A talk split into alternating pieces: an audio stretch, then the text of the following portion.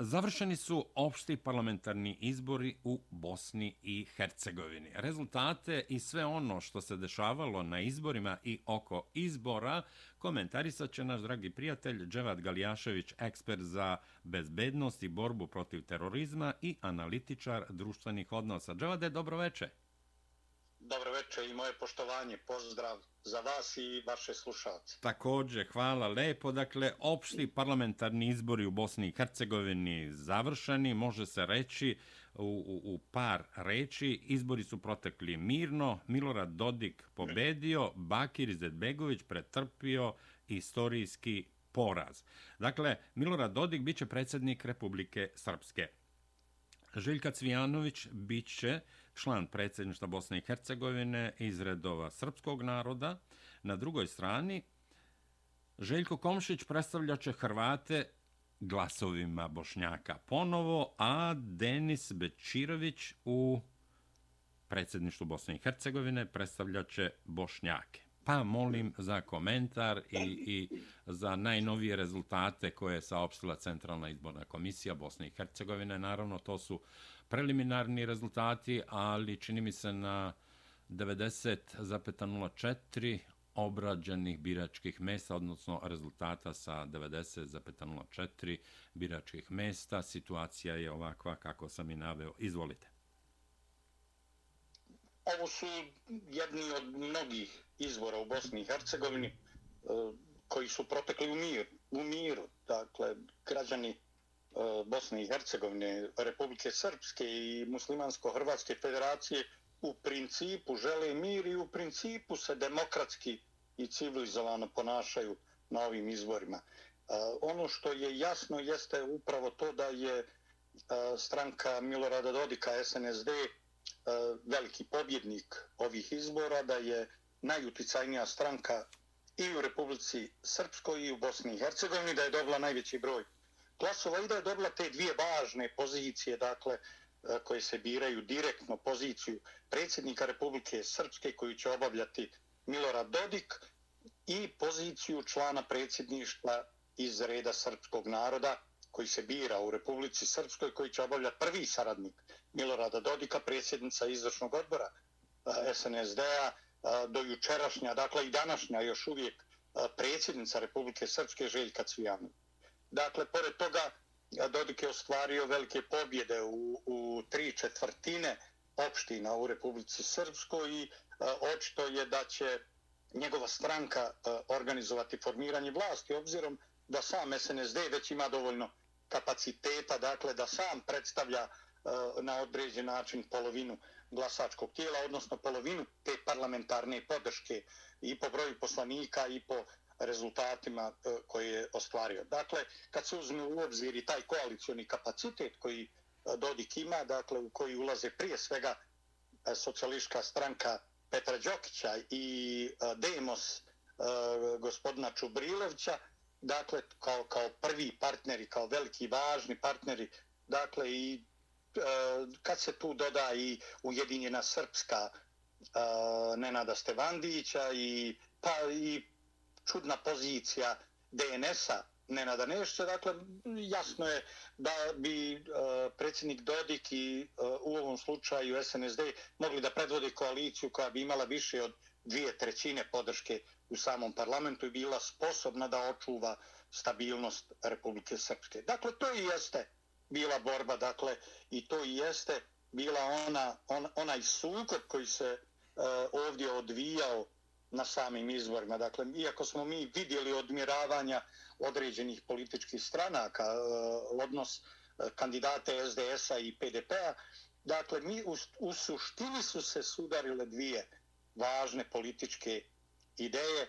Dakle, u suštini ovi izbori su uh, bili svjedok u vremenu sukoba, dakle, jedne uh, političke ideje Bosne, obezdržavljene Bosne i Hercegovine, Bosne i Hercegovine kao protektorata. Tu ideju u stvari e, predvode zapadne zemlje i Sjedinjene američke države, dakle State Department, odnosno administracija Josefa Bidena, predvodi Velika Britanija i predvodi Njemačka sa onim mehanizmima koje imaju na raspolaganju i NATO i Evropska unija i organizacije razne nevladine, razna otvorena društva i mediji i tako dalje. Ta ideja je, dakle, ostvarila, e, ja bih rekao, jednu pobjedu u okviru Muslimansko-Hrvatske federacije i doživjela je poraz u sudaru sa nacionalnom i državotvornom idejom koju je artikulisao e, predsjednik Milorad Dodik, dakle, odnosno e, koja je aktuelna politika Republike Srpske u zadnjih 22 godine. E, dakle, doživjeli su poraz, oni nisu uspjeli promijeniti ljude iz, iz Republike Srpske, nisu uspjeli dakle, e, Dodika poraziti, iako se vidjelo da je tu bilo raznih vrsta e, političkih igara ili e, preračunavanja koja su pravljena, iako je tu bilo pomalo i sumnjivih situacija u vezi sa glasanjem pojedinih koalicijonih partnera za Milorada Dodika kao predsjednika Republike Srpske, jer kada se pogledaju glasovi njegove koalicije, njegovi koalicioni partnera, dakle do sadašnjih, i njihovo javnu podršku kandidatima Željki Cvijanović i Miloradu Dodiku, možemo vidjeti da je ta podrška bila jača za Željku Cvijanović nego za Milorada Dodika, što može i mora biti pokazatelj jedne vrste e, političke igre, jedne vrste režije, jedne vrste dogovorene dakle, aktivnosti. Pokušalo se srušiti Dodika na ovim izborima, pokušao se umanjiti njegov e, kredibilitet, dakle on je jedini praktično objektivni, stvarni, nacionalni, državotvorni lider ovdje na Balkanu koji je i svoju ličnu sudbinu i svoje lične sposobnosti, e, biografiju, sve e, što ima i što može stavio u funkciju odbrane interesa Republike Srpske i ovo malo E, srpskog naroda što je preostalo sa ove strane Drini nakon raznih pogroma koji su se dešavali u zadnjih stotinja godina, dakle i od Prvog svjetskog rata i od Jasenovca i Drugog svjetskog rata i od prognanih Srba iz e, Kninske krajine i iz pojedinih dijelova Hrvatske i tako dalje. Dakle, time je odgovornost e, Dodika bila velika i Zapad je očito želio da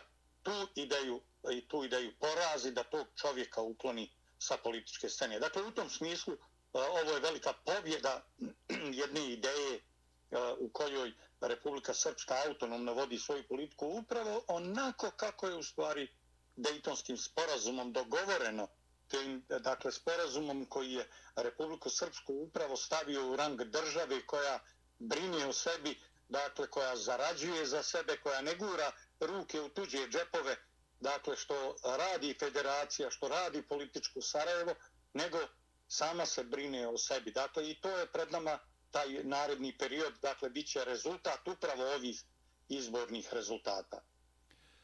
Dževade, a kakvu republiku srpsku treba Srbija? Ne govorimo samo o personalnim relacijama, nego generalno o politici koju će voditi Republika Srpska u odnosu na okruženje, naravno i odnosu na Srbiju.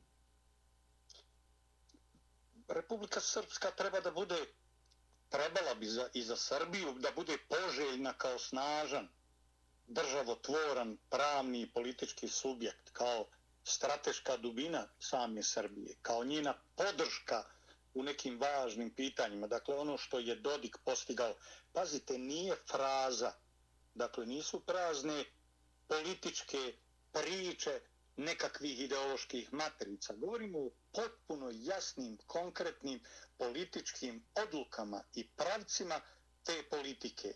Dakle, Dodik je artikulisao nekoliko važnih stvari. Prvo, Republika Srpska je u stvari izvor najvećeg, najvažnijeg, najznačajnijeg vanjsko-trgovinskog suficita koji Srbija ima.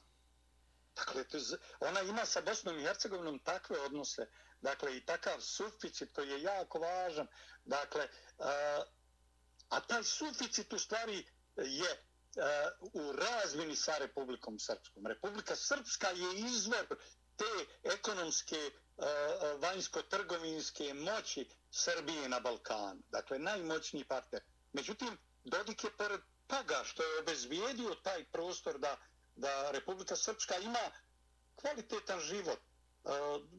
Ja ne znam iz Amerike kako izgleda kad se pogleda život prvosječnih ljudi, realan život u Republici Srpskoj i kada se pogleda realan život u Srbiji, Srbija je u svim i medijima i u svim političkim proklamacijama predstavljena kao stabilna jaka država koja je i ekonomski stala na noge i to očito i jeste tačno. Ali građani Republike Srpske ne djeluju ni ekonomski ni socijalno inferiorno u odnosu na građane Srbije. Realni život u Republici Srpskoj gotovo da se ne razlikuje od Srbije. Ponegdje je čak uh, i uh, bolji po građane Republike Srpske. Znate, u Beogradu se zaista dobro živi i u velikim gradovima, vjerovatno i u Novom Sadu, Čačku, dakle i Kragujevcu. Ali ako prođete od Kuzmina i pogledate Sremsku Mitrovicu i Šid, ako odete do Niša i pogledate Niške četvrti, ako odete do pojedinih manjih gradova u Vojvodini, dakle, i, i vidite kako se tamo živi, vidjet ćete vi da se u Doboju, u Prijedoru, u Bijeljini bolje živi nego tamo. Dakle, hoću reći, Republika Srpska ne ističe često taj uh, ekonomski, uh, ekonomski uh, E, nekakav, nekakav e, ekonomski uspjeh i socijalni uspjeh koji postiže u uslovima potpune političke konfrontacije sa moćnim zapadnim zemljama. I to upravo oko pitanja svoje suverenosti, svoga integriteta državnog i političkog. Dakle, e, vrlo često za Republiku Srpsku je najvažnije pitanje da je uspjela odbraniti neku od svojih nadležnosti, da je neku od svojih institucija uspjela zaštititi i da je neko svoje pravo odbranile u tom sukobu sa Golijatom, dakle zapadnim Golijatom i e, političkim Sarajevom, odnosno Bošnjacima koji stoju iza, e, iza tih i sukoba i iza želje da se razvlasti i srpski narodi Republika Srpska. Tako da Republika Srpska više debatuje o tome, ali hoću reći da realni život u Republici Srpskoj, obzirom na poziciju koju ona ima, nije ništa lošiji nego realni život u Srbiji, koja je vrlo kooperativna i sarađuje sa Zapadom. Čak možemo ići i korak dalje. Ako pogledate Hrvatsku, koja je zemlja članica Evropske unije, ni tamo život nije odmakao nešto da bi se Banja Lučani e, predorčani i Dobojlije stidili kada odu u Hrvatsku ili da bi se osjećali inferiorni zbog slabe odjeće, slabog automobila ili bilo čega, slabe novčane moći da sjede u elitnim restoranima i obilaze klubove elitne. Dakle, život u Republici Srpskoj je kao i svugdje na Balkanu težak.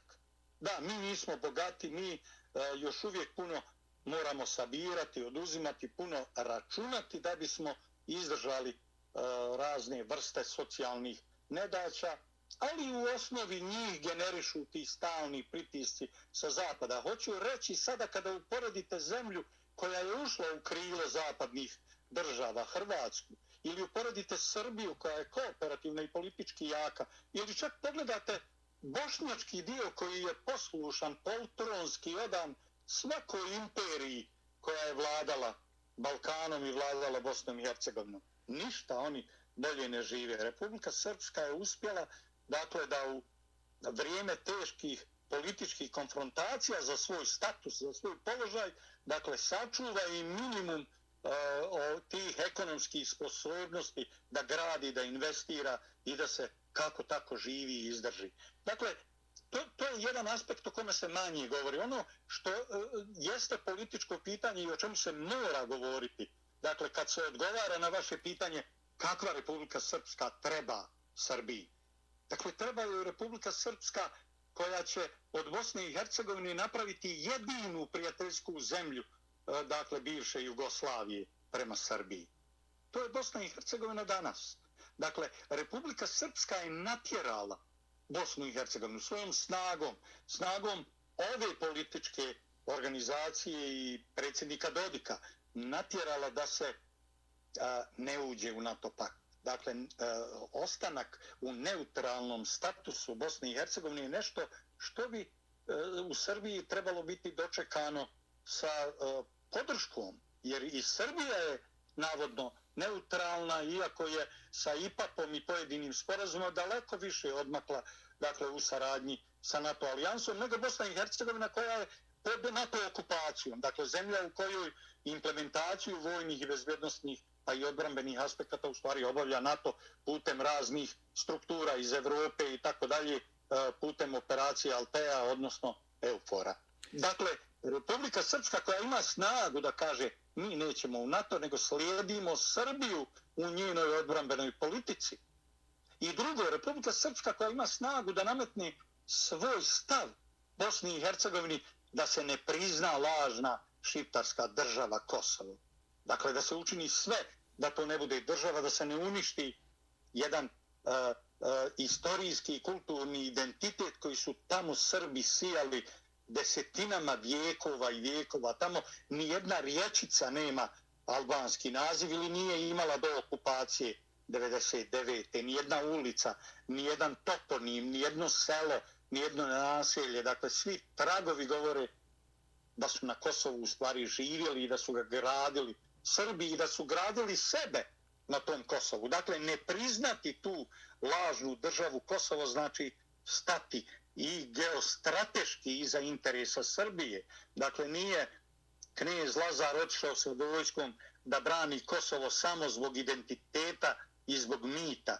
Otišao jer je vojnički znao da se Srbija ne može braniti u Nišu niti u Beogradu i da se mora braniti tu gdje je i teže prebacivanje trupa preko visokih planina, teži dolazak i da je da se Srbija može samo braniti na Kosovu. Iako pada Kosovo e, u, prodoru e, neprijateljskih zemalja sa istoka, dakle, pada i Srbija je u vrlo nezavidnoj poziciji. Dakle, i geostrateški i identitetski Kosovo je bilo važno i zato je važan taj stav Republike Srpske ne za lažnu državu Kosovo. Svakako je i častan e, e, politički i snažan e, stav Milorada Dodika i Republike Srpske ne za uvođenje sankcija Rusiji. Bilo bi ismijavanje vlastite bliske istorije u kojoj su Srbi granatirani, bombardovani od NATO pakta i u Kninskoj krajini, dakle u Republici Srpske E, e, Kninskoj krajini e,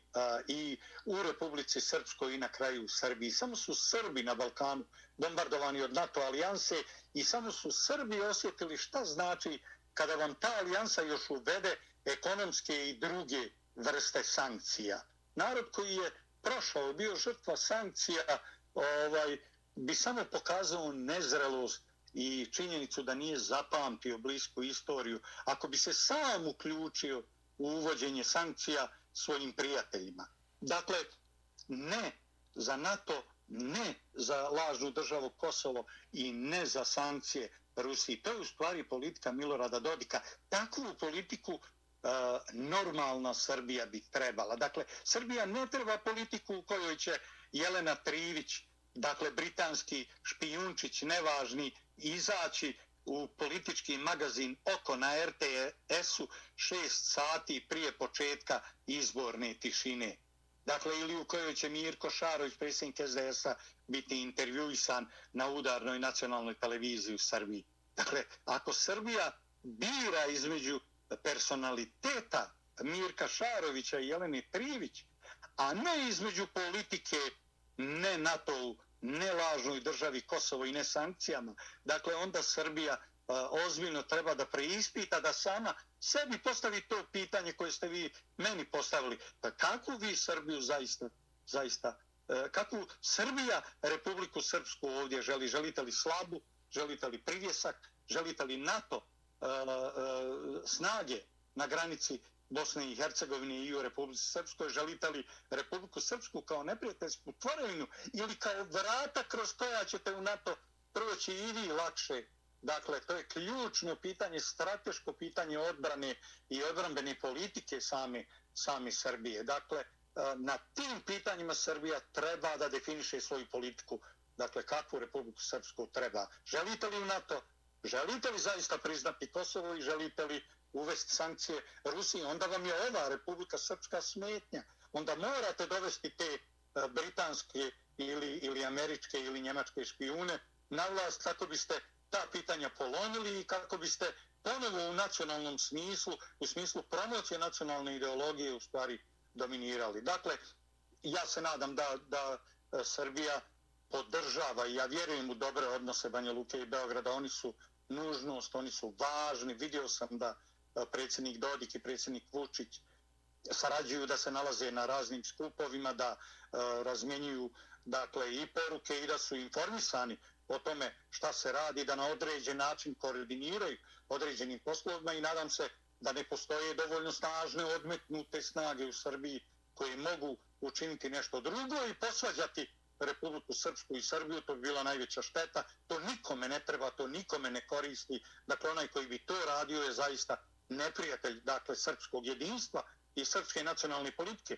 Nacionalno jedinstvo je potrebno u stvari i nacionalna politika i nacionalna snaga srpskog naroda je potrebna jer su svi drugi narodi uh, u, na Balkanu, pogotovo narodi bivše Jugoslavije, uh, razvijali se u nedržavotvornoj svijesti. Razvijali se kao sluge određenih velikih imperija, nisu dovoljno izbrusili tu ideju vlastite nacionalne države i nisu spremni da se bore za nju. I ako nam Srbi ne pokažu kako se treba boriti za svoju državu, onda vjerujte, ni Bošnjaci, ni Hrvati, ni Slovenci nikada neće ni znati šta u stvari e, znači nacionalna država i zašto je ona tako važna za opstanak i kulture, i identiteta i interesa jednog naroda. Nadam se da takvu Srbiju takvu Republiku Srpsku Srbija treba i da razumije šta je u stvari se desilo, zašto je ova pobjeda važna, kakva je Republika Srpska pobjedila. Pobjedila je nacionalno svjesna, snažna Republika Srpska predvođena Miloradom Dodikom u teškom političkom sukobu sa idejom e, zapadnih moćnih centara da nastave tretirati ovaj prostor kao svoj vlastiti E, protektorat kao mjesto kome upravljaju bez ikakvih ograničenja i bez ikakvih odgovornosti. U suštini najveći problem i jeste u tome dakle što Zapad ovdje e, koji je donio preko hiljade izmjena zakona i novih zakona u Bosni i Hercegovini, koji je desetine odredbi Ustava promijenio, koristeći i zloupotrebljavajući mehanizam ureda visokog predstavnika i mehanizam mehanizam tri strana evropska sudije u Ustavnom sudu Bosne i Hercegovine. Šta je Zapad u stvari koji je svemoćan, koji može da uradi sve, koji može da modelira ustavno uređenje, politički sistem i da donosi zakone? Šta je postigao tim načinom svoga rada i tom svojom sveprisutnom moći? Da bi neko podržao pobjedu tih zapadnih ideja i zapadnih interesa i na ovim izvorima. Postigao je samo da tri naroda budu duboko podijeljeni, da se e, sukobi među njima e, zaoštravaju, da e, sve više se govori o potrebi e, teritorijalnih podijela unutar Bosne i Hercegovine. Sve više se govori o određenim e, autonomijama ili e, Hrvatskoj narodnoj nekom, nekom saboru koji će dakle prestati dozvoljavati da mu nameće se iz Sarajeva da, ko će ga predstavljati. Da, Dževade, apsolutno jasno, ali s tim u vezi ja bih hteo da, da se ovaj vratimo na Federaciju Bosnu i Hercegovinu. Dakle, čuli smo, tamo je glasovima Bošnjaka za hrvatskog člana predsjedništva izabran Željko Komšić. Porazio je, pod navodnicima porazio, Borjanu Krišto. Na drugoj strani, istorijski poraz Bakira Izetbegovića, bošnjački član predsjedništva, bit će Denis Bečirović. Međutim, htio bih samo da, da apostrofiram reakcije iz Hrvatske. Naime, Andrej Plenković, predsjednik vlade Hrvatske, saopštio preglasavanje u Republici od Bosni i Hercegovini je nezdrava poruka za odnose između konstitutivnih naroda u Bosni i Hercegovini. To se dogodilo četvrti put od 2000 2006. godine, što znači da u periodu od 20 godina, 16 godina imamo hrvatskog člana predsjedništva koga nisu izabrali Hrvati. Zoran Milanović, predsjednik Republike Hrvatske, kaže Imao sam dobre odnose sa političarima u Bosni i Hercegovini poput Željka Komšića, ali sam shvatio da su oni prevaranti i da sa tim ljudima ne može da se veruje on je rekao da je spreman da podrži neki vid samouprave Hrvata u Bosni i Hercegovini. Danas stiže vest iz uh, Sarajeva da će Zoran Milanović, predsjednik Hrvatske, biti proglašen personom non grata, odnosno bit će nepoželjan u Sarajevu. Pa molim za komentar, šta se tu dešava? Pa, I vi možete uočiti razliku u intonaciji i u oštrini između Plenkovića i Milanovića, dakle premijera koji je dio briselske uh, administracije i dio briselskih krugova i Milanovića koji prilično solira. Nekad vam se nešto sviđa što kaže, nekad vam se ne sviđa, ali u suštini vrlo često Milanović iznosi vlastite autentične stavove. Eh, Plenković pokazuje da u stvari on i ne zna koliko su puta Hrvati bili izigrani u Bosni i Hercegovini. Vidite da kaže četiri puta. Četiri puta sa Željkom Komšićem. Ali kada je uhačen hrvatski član predsjedništva Anto Jelavić, kada je smijenjen i kada je na njegovo mjesto doveden Jozo Križanović iz SDP-a, i tada, je, i tada su Hrvati dakle, bili izigrani i doveden je čovjek iz SDP-a iz Sarajeva. Dakle, kada je uhapšen Dragan Čulović kao član predsjedništva Bosne i Hercegovine, i tada se odigrala takva igra. Kada je predsjednik federacije Živko Budimir uhapšen zbog navodnog mita od 5000 maraka, zamislite da u e, Muslimansko-Hrvatskoj federaciji uhapse predsjednika, predsjednika entiteta, dakle u kancelariji, jer je navodno neki njegov saradnik uzeo 5000 konvertibilnih maraka za neko pomilovanje. Naravno, e, Živko Budimir, koji je i ratni general, je oslobođen poslije tih optužbi, ali proveo je u pritvoru, dakle, e, smijenjen je sa funkcije i tako dalje i tako dalje. Dakle, Hrvati su konstantno bili šikanirani, četiri puta ovo iskustvo oni imaju sa Željkom Komšićem. Željko Komšić je, naravno, e, britanska priča, nimalo, nimalo zrela. Mi u ovom momentu, dakle, e, imat ćemo tri člana predsjedništva, dakle, predsjednika iz reda srpskog naroda, dakle, imat ćemo jednog srpskog člana predsjedništva, imat ćemo jednog bošnjačkog člana predsjedništva i imat ćemo trećeg antihrvatskog člana predsjedništva. Dakle, to je Željko Komšić. Oni imaju, da, on je Željko Komšić je antihrvatski član predsjedništva. Dakle, Hrvati nemaju člana predsjedništva.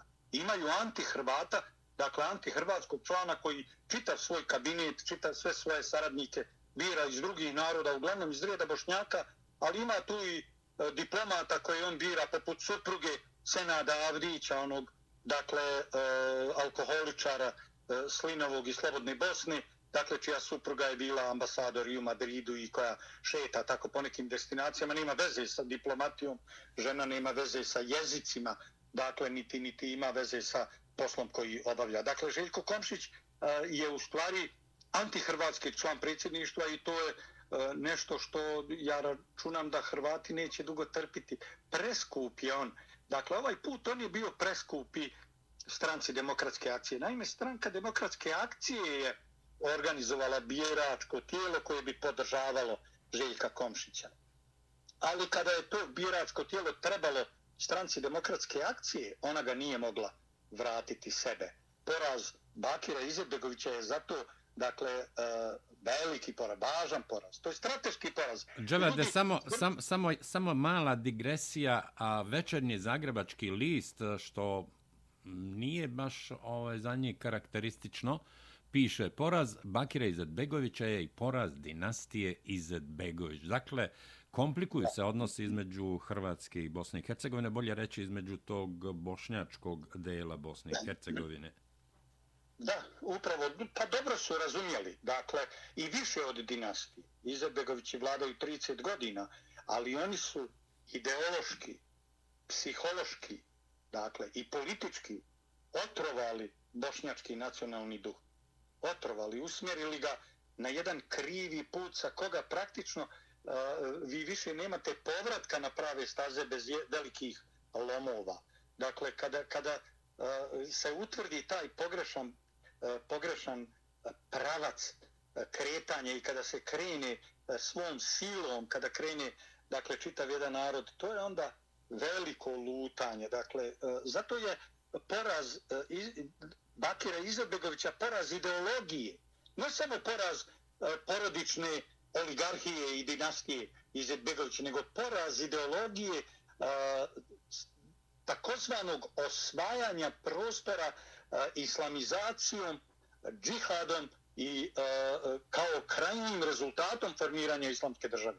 Alija Izetbegović je kroz proces pojačane islamizacije vlastitog naroda pravio pritisak na druge narode, time ojačavao dakle tu taj, taj biološki potencijal, ali i etnički i politički potencijal bošnjaka koji su dakle tako radikalno islamizirani u stvari izgubili osjećaj o zajedničkoj državi, o činjenici da Bosna i Hercegovina treba biti zajednička država, a kad je zajednička, onda se o njoj treba dogovarati, onda o njoj treba razgovarati, onda ne možete provocirati strance da pojedinim e, nezakonitim, nemoralnim rješenjima odlikuju vam državu, dakle i dalje produbljuju sukobe među drugim narodima. Dakle, ovo je kraj a, ideologije Alije Izetbegovića, bez obzira što u, a, ja bih rekao, u političkom a, operativnom smislu a, SDP se puno ne razlikuje u smislu strateških ciljeva unitarizacije Bosne i Hercegovine. Oprostite, Dževade, SDP, to je socijalistička partija... Demokratska partija, da. Da, to, to, su... Na, a, oni su naslednici komunističke partije Bosne i Hercegovine, ako se ne varam. Da, da, to je Savez komunista Bosne i Hercegovine. To, je, e, to su ljudi koji su zajedno sa Alijom vodili rat u predsjedništvu Bosne i Hercegovine. Od sedam članova predsjedništva četiri su bili dakle iz socijaldemokratske partije, iz SDP-a. Dakle, u tom smislu nema tu velikih razlika u smislu nekih političkih ciljeva. Ali postoje druge razlike koje su i tekako važne. Dakle, uh, bivši komunisti vrlo malo znaju o islamu, vrlo malo znaju o religiji, čak i kada se ponašaju u javnosti na nekakav religijski način. Dakle, ili učenjem fatihe umjesto minutom čutnje, čak i to kada rade. Dakle, vi vidite da je to politička karikatura, da to nije u stvari ono što je Izetbegović sa strankom demokratske akcije i svojom dinastijom političkom, dakle i porodicom, donio dakle, među Bošnjake. Dakle, pad e, e, te islamističke politike podrazumijeva prekid, ozbiljan prekid veza sa muslimanskim bratstvom. Alija Izetbegović je SDA napravio na temeljima e, saradnje sa muslimanskom bra, sa muslimanskom braćom, dakle sa njihovom podružnicom iz Londona. I to je vrlo često bio faktor sukoba, jer postoji dakle centar i u Istanbulu muslimanske braće, postoje, kao što postoji i u Dohi, u Kataru. Sada postoji i u Sarajevu. Erdogan se zbog toga vrlo često ljutio na Bakira Izetbegovića, što je u stvari stranka demokratske akcije kao izvorni produkt muslimanske braće, egipatske muslimanske braće. Dakle, one radikalne organizacije koja je u političkom smislu e, svoj politički radikalizam darovala svim terorističkim organizacijama i šiitske i sunitske provenijencije. Dakle, ona je bila ideološka, ona je davala te ideološke i političke temelje i Al-Qaidi, i islamskoj državi, i Hezbollahu, i Al-Shababu, i tako dalje, i Boko Haramu ta muslimanska braća djeluju u preko 65 država, imaju svoje dakle, podružnice, svoje organizacije. Oni su napravili stranku demokratske akcije, dakle i dogovor oko toga je napravljena E, od strane ljudi koji su sa Alijom Izetbegovićem proveli u zatvoru od 1983. do 89. godine. Dakle, tada su Ismet Kasumagić, Omer Behmin i čitava jedna delegacija koja će posle biti e, osnivačka u okviru i osnovati SDA, delegacija tih takozvanih mladih muslimana, otići u London i tamo dogovoriti osnivanje stranke demokratske akcije i njihovo praktično djelovanje. Dakle, E, upravo ta struktura i ta politika je sada poražena. Dakle, poražena je ideja islamske države, ideje koje je Alija Izetbegović artikulisao u svojoj islamskoj deklaraciji, poražena je veza sa muslimanskim bratstvom i sa terorističkim organizacijama. Moram priznati da ove strukture koje sada dolaze na vlast u vidu opozicije, dakle, ako je predvodi socijaldemokratska partija SDP, bivši komunisti, da oni nemaju gotovo nikakve konekcije sa islamističkim grupama, sa terorističkim organizacijama, čak ni sa islamističkim režimima. Može se reći da je čak ova SDP partija vrlo negativno nastrojena prema Recep Tayyip Erdoganu, prema predsjedniku Turske, a da ne pominje njihovu orijentaciju, dakle, koja je duboko anti-iranska, anti-saudijska, anti-vehabijska. Dakle, to je, dakle, krah jednu ideologiju koja je građena tri puno decenije, koju je Alija Izetbegović, dakle, intenzivno e, i sa pozicije vlasti, kroz dva svoja, dakle, instrumenta, jedno je njegova porodica, njegova dinastija, drugo je stranka demokratske akcije i kroz pomoć e, sa strane islamističkih režima i muslimanske braće, dakle, koju je tako intenzivno gradio, gradila se ta politika naravno i ranije iz drugog svjetskog rata, dolazak El Huseinja, jerusalimskog muftije, koji je bio eh, glavni ideolog muslimanske braće eh, u, eh, i tada, i koji je predvodio i bio imam Hanđar divizije, glavni muftija 13. SS divizije, dakle, i njegova produžena ruka u Bosni, Husein Đozo, koji ima svoju ulicu u Sarajevu, i Mustafa Busulađić i druge, dakle, ta nacistička, neonacistička i ustaška kopilad po Sarajevu, čije ulice i danas nesmetano, dakle, stoje, a, a upravo su nastale na temelju e, ideologije Alije Izetbegovića sa kojom komunisti se nikada nisu ni pokušali obračunati. E, vidjet ćemo koliko će duboko, dakle, sada ići ova struktura ako uspije ostvariti vlast. Obzirom da je stranka demokratske akcije pobjedila u svim muslimanskim kantonima. Dakle, ono, to nije neka uvjerljiva pobjeda, osim kantona Sarajevo. U Sarajevu, dakle... Koji je i najznačajniji, pravda, čini mi se i najveći, jel? Jeste, ubjedljivo. Sarajevo je, Sarajevo, grad Sarajevo je veće od svih velikih gradova bošnjačkih zajedno. Stavite i Zenicu i Tuzlu i onaj istočni Mostar i Bihać i Travnik zajedno i opet vam je Sarajevo veći. Dakle, u Sarajevu je pobjedu ostvarila e, nova politička organizacija Narod i Pravda, Elmedina Konakovića.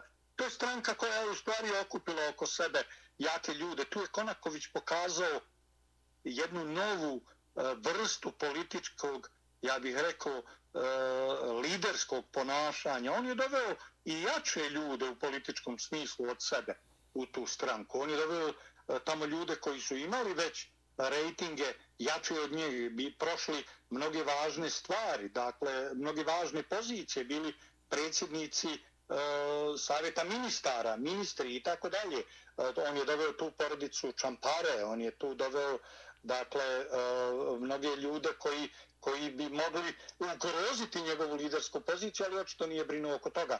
I vidjelo se da je rezultat te politike u stvari njegova pobjeda e, Elmedna Konakovića i naroda i pravde u samom Sarajevu. Dakle, sve te stranke u stvari bi trebale da označe kraj e, politike, ne samo kraj dinastije, nego i kraj njihove politike, njihovog e, radikalnog islamizma koji oni često, ja bih rekao, i umanjuju smatrajući da priča o tome nanosi štetu e, državi i da zato ne treba o tome pričati, ali oni bi se morali obračunati sa ustaštvom i, i nacizmom na ulicama Sarajeva, oni bi morali prekinuti dakle tu tradiciju saradnje sa terorističkim organizacijama, islamističkim grupama i muslimanskom braćom, sa raznim e, krutim nedemokratskim režimima, na Bliskom istoku i tako dalje. Ja se nadam da će do toga doći. Dakle, najveće potrese bez sumnje će izazvati dakle, uh, upravo uh, odlazak, odlazak taj i poraz koji je politika Alije Izetbegovića i njegov sin Batir koji su doživjeli, ali ne treba podcijeniti političke efekte uh, ponovnog uh, izbora uh, antihrvatskog člana predsjedništva Željka Komšića i reakcije Hrvata na ovaj čin. Dakle, kakva će ona biti, to je, to je pred nama. Posjećam vas da je visoki predstavnik uh, odmah nakon što je glasanje uh, trebalo da se završi na ovim izborima proglasio izmjene izbornog zakona. Zamislite, neki tamo Maharađa iz Njemačke, iz Bavarske, da. I progla, da, i proglasi zakon i kaže ja donosim zakon. Ja vam mijenjam ustav. Donosim odluku da vam promijenim ustav države. I u Sarajevu nema protesta. Dakle, kakva je to e, podanička kolektivna svijest? Kakvo je to poltronstvo e, etničko, grupno? Dakle, da vi ne vidite da u stvari e, u ovakvim ponašanjima, u ovakvim postupcima, u ovakvim djelovanjima, pa nema tu države. Dakle, državu ne mogu ugroziti konstitutivni narodi ako konzumiraju svoja zagarantovana prava. Državu ugrožava ovakva politika spolja koja od Bosne i Hercegovine pravi jedan šugavi evropski privjesnik, pravi jednu političku kanalizaciju koja ne znači nikome ništa. Dakle, i to je, to je e, dakle, ta politika dakle, je u stvari podržana iz Sarajeva. Sarajevo je izgubilo taj svoj intelektualni kapacitet, ali se nadam da će ovaj Tuzlak, dakle, Denis Bećirović i, i e, čovjek iz Konjica, koji je predsjednik SDP-a, Nermin Nikšić, zatim da će tu i sportista Elmedin Konaković sa saradnicima Avdom Čamparom i Denisom Zvizdićem, koji je snažna biografija u njegovoj stranci. Dakle, dakle da će, e, pa i naša stranka koja je tu, da će uspjeti da promijeni neke paradigme. Međutim, ako me pitate šta će se dešavati u narednom periodu, Naravno da pitam. Vlasti, Ali, da, Dževade, onda... Dževade, samo, pošto imamo još nekih otprilike pet minuta, a, nastavit ćete sa ovim što ste započeli, samo da dodam još da se osvrnete na, na a, a, položaj Hrvata u Bosni i Hercegovini. Kratko, a, s obzirom na izjave Zorana Milanovića, odnosno njegovu izjavu, a, da se radi o političarima, prevarantima poput Željka Komšića, kojima se ne može verovati. Oni se okoriste činjenicom da Hrvata u Bosni i Hercegovini ima malo i da će on biti spreman da podrži uh, svaki vid teritorijalne samouprave za Hrvate u Bosni i Hercegovini. Najavljuju Saraju, kao što smo već rekli, da će on biti nepoželjna ličnost, ali čini mi se da smo dobili informaciju da stranka Most u Hrvatskom saboru traži da se Željko Komšić proglasi personom non grata, odnosno da bude nepoželjan u Hrvatskoj. Izvolite. Jeste, upravo, jeste, upravo to. Dakle, Hrvati su e, u Bosni i Hercegovini poniženi, to je e, bez sumnje, oni su nadglasani, oni, dakle, su, njima, njihova prava su uzurpirana upravo zato što su najmanji narod. Ako možete to raditi najmanjem narodu, možete to raditi i drugim narodima i mislim da je to dobro u Banja Luci svačeno. Ako Hrvati budu do kraja pregaženi, onda možemo i mi, onda smo mi na redu, dakle, e, i onda će i Republika Srpska biti pregažena. Dakle, otpor Hrvata će biti bez sumnje snažan. Dakle, nemojte sumnjati da ako Hrvati krenu sa određenim političkim odlukama, oni će istrajati na njima. Drugo, E, njihovi politički koraci neće biti bez podrške Vatikana, bez podrške Berlina, bez podrške iz e, pojedinih katoličkih centara u Evropi. Dakle, Hrvati neće srljati na taj način i poduzimati korake dok ne obezvijede adekvatnu političku podršku za svoje, za svoje mjere. Dakle, u tom smislu, jedan od odgovora bi mogao biti da HDZ uh, e, ipak ponovo vrati u igru stranku demokratske akcije, SDA, da SDA na kraju i HDZ e, zatraže od e, predsjednika Dodika i SNSD-a da budu dio ponovo zajedničke koalicije na nivou Bosne i Hercegovine i mi bismo imali dakle podijeljenu e, političku moć u Sarajevu, imali bismo s jedne strane u parlamentu i u izvršnoj vlasti uticaj e, SDA, HDZ, SNSD-a, a, a sa druge strane imali bismo u samom predsjedništvu e, Željka Komšića, antihrvatskog člana Denisa Bećirovića i a, e, e, Cvijanović. Dakle, e, mogu vam reći da je Željko Komšić kao antihrvatski član u sukobu sa SDP-om. On je pocijepao tu partiju i on ih je vratio deset godina unazad. Dakle, zbog njega su morali odbaciti Zlatka Lagumđu jer je on bio proizvod te razorne šminkerske E, neodgovorne politike Zlatka Lagumđije. Dakle, u tom smislu Hrvati će vjerovatno poduzeti određene korake. Ono što je za mene isto tako važno i čini mi se da smo to propustili reći, jeste da jutros, dakle koliko jutros je Jelena Trivić e, protiv kandidat Miloradu Dodiku, dakle i e, cijelo rukovodstvo PDP-a, Partije demokratskog progresa, za koji mi znamo da su britanska britanski špijuni, da su u stvari muslimanska braća za Republiku Srpsku. Ono što su londonska muslimanska braća u Sarajevu, to su Vanja Luci PDP. Oni su jutro zbili u britanskoj ambasadi u Sarajevu. Zamislite da neko ko izgubi na izborima ode u širokoj delegaciji i bude primljen od zamjenika ambasadora sa zahtjevom da se ponove izbori u cijeloj Republici Srpskoj. Zamislite to licemjer je da se ne skriva taj podanički odnos prema britanskoj e, politici, dakle i to da ste vi britanski špijuni. Pazite koliko je novca dobila dobila za svoju kampanju ova partija demokratskog progresa i iz američkih izvora. Pa procurio izvešta jednog od generala Nacionalne bezvjednostne agencije Amerike u kojoj Jelena Trivić traži od Amerikanaca da se umiješa u retoriku SNSD-a.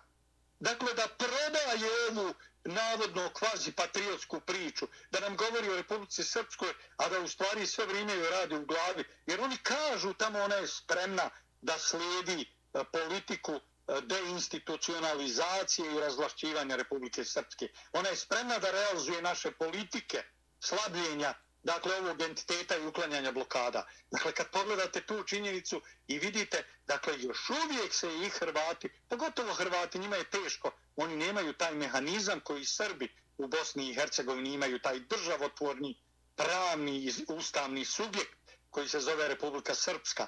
Dakle, Hrvati nemaju, oni su malobrojni, oni su zbog toga ugroženi, oni imaju te kantone. A ako donesu odluku o ujedinjenju kantona u jednu teritorijalnu jedinicu, i proglase važnost određenih propisa na tom terenu, to će biti opasna igra, jer bi ona morala prije svega negirati legitimitet visokog predstavnika koji bi onda mogao biti instrument njihovog kažnjavanja. Dakle, Hrvati bi morali onda krenuti ovim putem kojim ide i Republika Srpska, a to je te, taj intervencionizam zapadni tu, dakle, e, kancelariju, tu zlokobnu neonacističku kancelariju ured OHR-a dakle ovaj staviti konačno tamo gdje pripada, a to je jedno nelegitimno, jedno nelegalno, jedno razvojničko mjesto koje kvari i onako loše odnose između tri ustavna konstitutivna naroda u Bosni i Hercegovini. Dževade, hvala od srca što ste odvojili vaše vreme i govorili za Srpski radio Čikago. Hvala vama na pozivu. Poštovani slušalci, poštovani pratioci našeg YouTube kanala, naš gost danas bio je Dževad Galijašević, ekspert za bezbednost i borbu protiv terorizma i analitičar društvenih odnosa. Govorili smo o opštim parlamentarnim izborima u Bosni i Hercegovini koji su završeni juče.